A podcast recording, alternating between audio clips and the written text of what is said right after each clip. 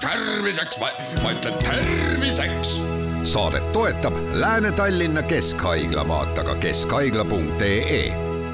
tere, head Kuku kuulajad, eetris on saade Terviseks ja kui me eile rääkisime elustamisest, siis täna sel teemal jätkame. mina olen Ingela Virkus ja koos minuga on stuudios Lääne-Tallinna Keskhaigla juht ja erakorralise meditsiini arst Arkadi Popov, tere taas! tervist!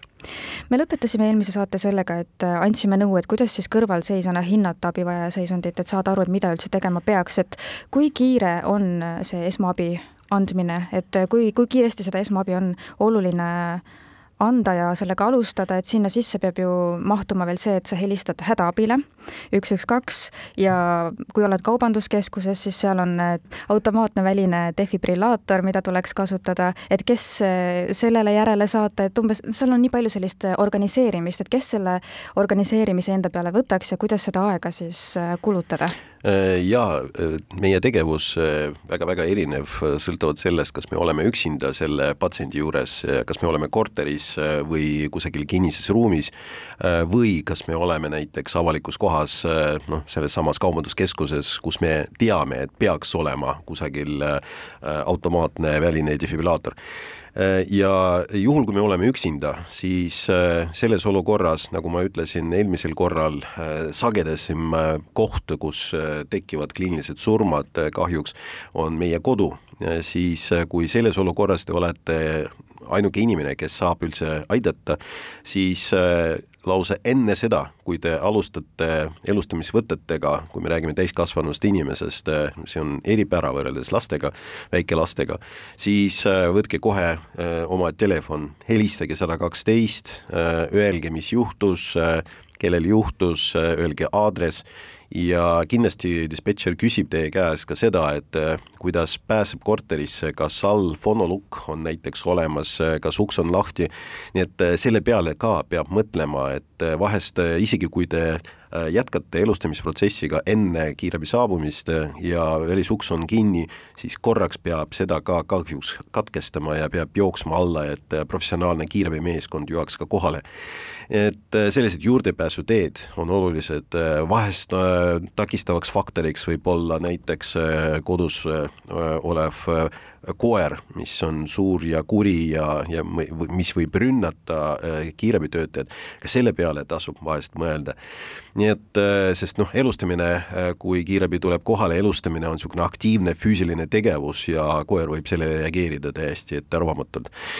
nii et ega need on olulised faktorid, aga kui see kõne kodus on tehtud, siis tavaliselt dispetšer palub, et kui vähegi võimalik, siis telefoni peaks ümber lülitama väljuhääldile, väljuhäälde režiimile, meile, selleks et äh, te saaksite neid äh, juhiseid dispetšeri poolt äh, või siis meediku poolt, kes teid saab konsulteerida nii kaua, kui kiirabi tuleb, saaksite neid pidevalt täita ja, ja siis tegutseda vastavalt skeemile, kuidas inimest peaks elustama. et selles olukorras soovitatakse alustada äh, peale seda, kui hingamisteed on äh, avatud, pea kuklasse painutatud, kontrollitud teadvus, hingamine ja, ja tehtud kõne sada kaksteist, alustada kohe ringkere kompressioonidega, selleks äh, ringkere tehakse siis paljaks ja leitakse keskpunkt rinnaku piirkonnas umbes üks, ühe alumise kolmandiku, äh, rinnaku alumise kolmandiku, keskmise rinnaku keskel, umbes niibude vahel, kuhu äh, asetakse mõlemad käed ja äh, rütmiliselt vajutatakse ringkire peale sagedusega sada kuni sada kakskümmend korda minutis umbes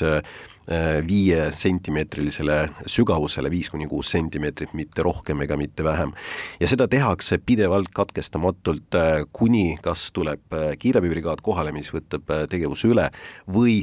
kuni patsiendil järsku tekib oma hingamine või ta hakkab ennast liigutama, hakkab rääkima, mis tähendab seda, et teil õnnestus käivitada südametegevust, mis on suurepärane ja, ja siin äh, peab arvestama sellega, iga sekund loeb, äh, ei tohigi äh, raisata aega, ei noh, selles olukorras oleks väga halb mõte joosta kuhugi naabrite juurde, kedagi kutsuda appi ja mida iganes muud teha, et kui vähegi võimalik, koheselt alustada selle tegevusega.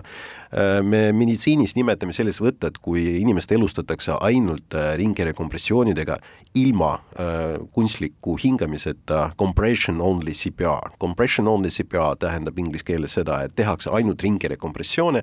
aga keegi ei tehta, keegi ei tee siis kunstlikku hingamist.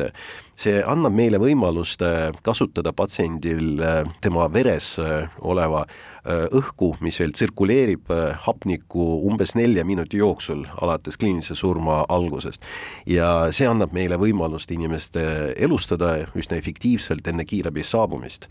Seda võtet kasutatakse ka, ka avalikus kohas, et avalikus kohas äh, eripära seisneb selles, et tavaliselt keegi on olemas veel, kes tuleb appi ja keda võib paluda, et kuulge, ma alustan elustamisega, teie tehke kõne numbrile sada kaksteist, siis see paus Äh, enne ringkere kompressioonide alustamist on veelgi väiksem ja saab paluda kohe, et äh, turvatöötaja, otsige teda ja las ta toob äh, defibrillaator kohale.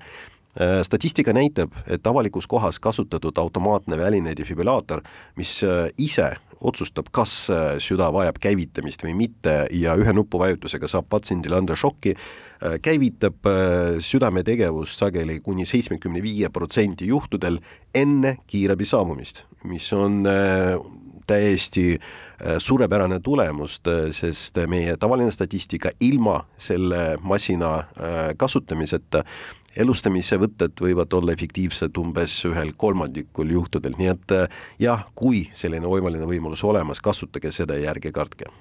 Kas seda masinat võivad kõik kasutada, et äh, ma ikkagi annan inimesele šoki? jaa, äh, võivad kõik kasutada masinatel, mis on Eestis meil laiali erinevates kohtades juba olemas, on installeeritud eesti keel ja nad annavad instruktsioone lisaks sellele, et selle aparaadi peal on olemas joonised ja, ja neid äh, nõuandeid ongi vaja lihtsalt täita, täpselt nii, nagu ta ütleb, äh, ta palub, et asetaksid kleebivad elektroodid ringkere peale, äh, asukohad, kuhu on vaja neid peale panna, on ilusti jooniste peal olemas. Ja lisaks ta siis ütleb, et kui aparaat sisse lülitatud, siis ta korraks palub teid äh, mitte vajutada ringkerele äh, ja ta teeb äh, südamerütmi kontrolli, analüüsi. kui patsiendil esineb selline rütm, mis vajab šokki, elektrišokki, siis ta ütleb, et jah, šokk on vajalik ja siis palub vajutada õiget nuppu ja mitte puutuda patsiendi sellel hetkel, kui toimub elektrilöök. Peale seda koheselt peab alustama uuesti ringkere kompressioonidega ja, ja siis peab jätkama seda nii kaua, kuni aparaat järjekordselt sekkub ja palub äh, pausi järgmiseks rütmi kontrolliks, nii et eks aparaat on väga tark ja tegutseb oma algoritmide järgi kuidas erinevad äh, lapse ja täiskasvanu elustamise võtted, et äh, elustamiskoolitustel alati rõhutatakse seda, et ei tasu karta, kui äh, rindkere kompressiooni käigus täiskasvanule roided näiteks katki surutakse, aga kuidas lapse puhul on? Äh, noh, tõepoolest tüsistusi võib tekkida, sellega peab arvestama, kui me räägime äh, roiete vigastustest, noh, see on üks klassikaline probleem, eriti vanematel inimestel, kusjuures noorukitel äh, seda praktiliselt ei esine, sest äh, noorukitel ringkere väga ei lastne ja, ja üldjuhul me üldse ei näe äh, roidemurdu näiteks inimesel, kes on noor, kes vajas elustamist äh,. kui me räägime lastest siis laste äkksurma eripära Äh, seisneb selles, et nendel sagedamini äh, kui täiskasvanutel esineb esmane hingamisseiskus, mitte vereringeseiskus, aga hingamisseiskus.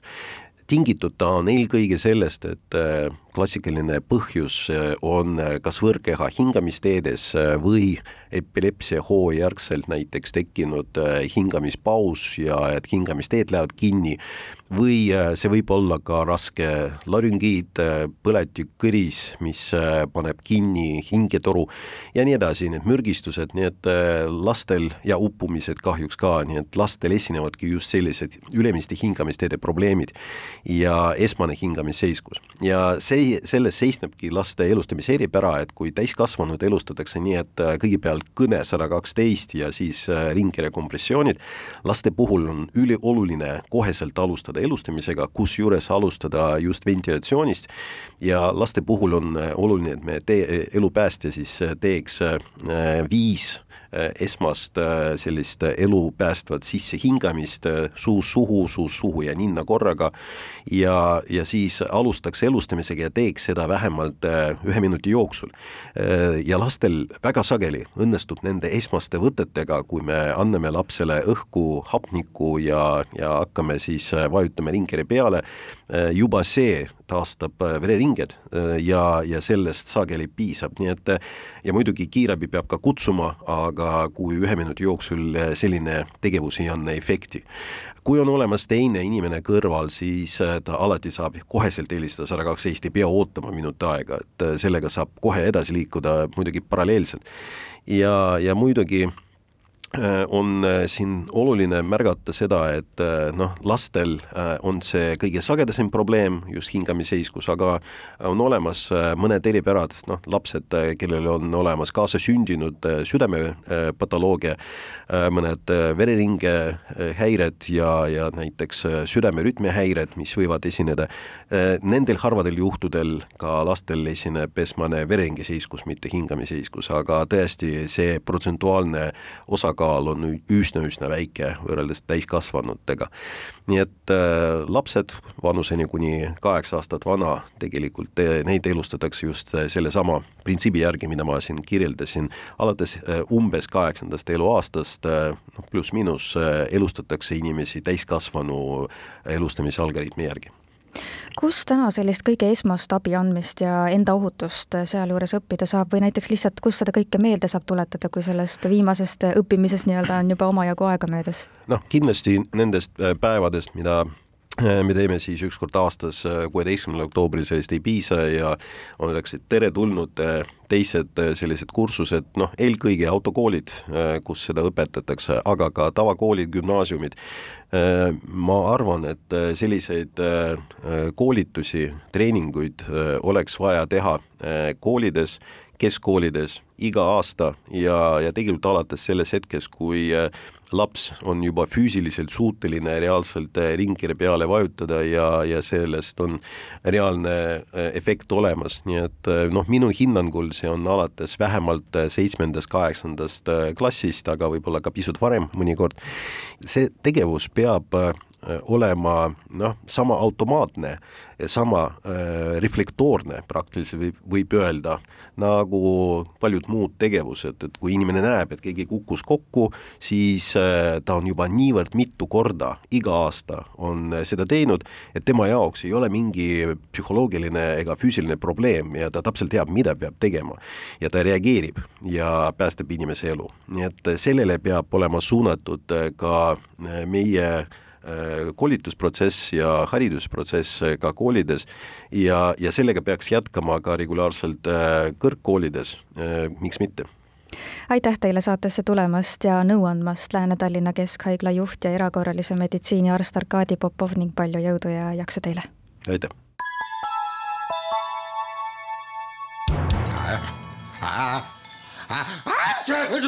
terviseks, ma ütlen terviseks saadet toetab Lääne-Tallinna Keskhaigla, vaata ka keskhaigla.ee